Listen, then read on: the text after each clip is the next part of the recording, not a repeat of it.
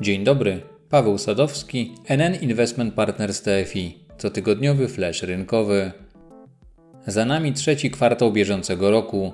Gdybyśmy spojrzeli na ten okres przez pryzmat wyniku indeksu WIG minus 0,3%, to moglibyśmy odnieść wrażenie, że te trzy miesiące roku nie należały do najbardziej udanych dla produktów NN Investment Partners TFI, w portfelach których znajdują się udziałowe papiery wartościowe. Nic bardziej mylnego. Wszystkie nasze aktywnie zarządzane fundusze, akcyjne oraz mieszane, dla których inwestycyjnym fundamentem jest krajowy parkiet, osiągnęły dodatnią stopę zwrotu.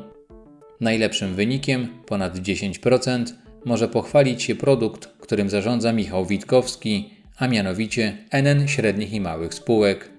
Na drugim miejscu znalazł się NN Polski Odpowiedzialnego Inwestowania, dał zarobić prawie 9%.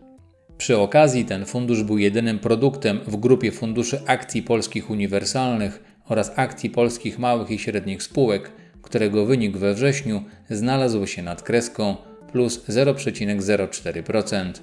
Średni wynik produktów wchodzących do wspomnianych grup, które poddawane są ocenie przez firmę analizy online, oscylował w okolicy minus 3%. W ostatnim miesiącu trzeciego kwartału fundusz NN Polski Odpowiedzialnego Inwestowania wypracował 4,3 punktu procentowego nadwyżki nad indeksem WIG. Również długoterminowe wyniki tego produktu zasługują na inwestorską uwagę. Fundusz zarządzany przez Janka Kruka posiada skoncentrowany portfel akcji polskich, które stanowią około 65% całego portfela. Na pozostałą część składają się akcje zagranicznych spółek oraz gotówka. Przy ich wyborze brane są pod uwagę nie tylko kryteria finansowe, ale również pozafinansowe, takie jak analiza ESG, czyli ocena spółek pod kątem następujących kryteriów: środowisko, społeczna odpowiedzialność oraz ład korporacyjny. W szczególności fundusz nie inwestuje w akcje spółek, których głównym źródłem dochodu jest produkcja papierosów, alkoholu oraz wydobycie i przetwarzanie węgla brunatnego lub kamiennego. Dzięki takiemu podejściu portfel tego produktu był niedoważony w sektorach, których przedstawiciele zachowywali się ostatnio gorzej. Dodatkowo pozytywny wpływ na wynik funduszu miała również odpowiednia selekcja zagranicznych składowych portfela.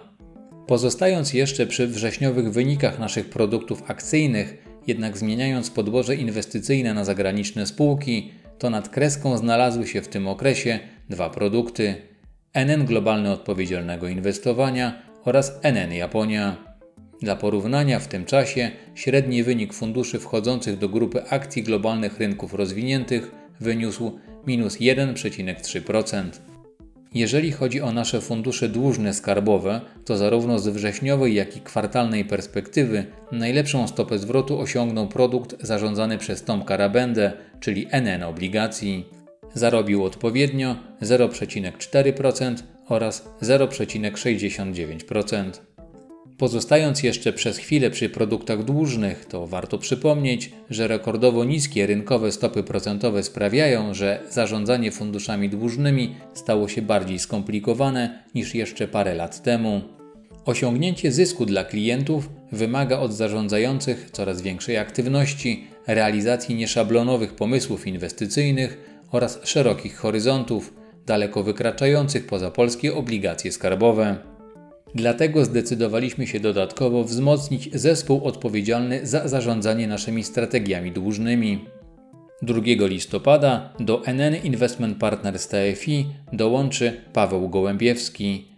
W ramach zespołowego modelu zarządzania funduszami będzie odpowiadał m.in. za część korporacyjną portfeli obligacji oraz za włączenie elementów zaawansowanej analizy ilościowej do procesu. Paweł ma ponad 13 lat doświadczenia na rynku kapitałowym. Między innymi od marca 2018 roku zarządzał funduszami dłużnymi w TFI PZU o łącznych aktywach sięgających 2 miliardów złotych.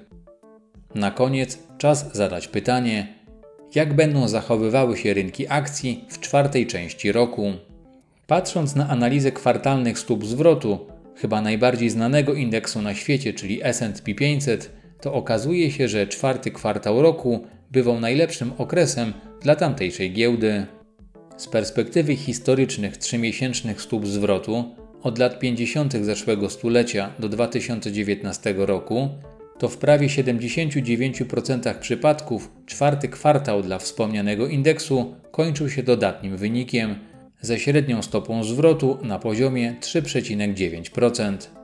Wydaje się, że przy obecnym poziomie stóp procentowych większość inwestorów wzięłaby taki wynik w ciemno. To tyle na dzisiaj i do usłyszenia.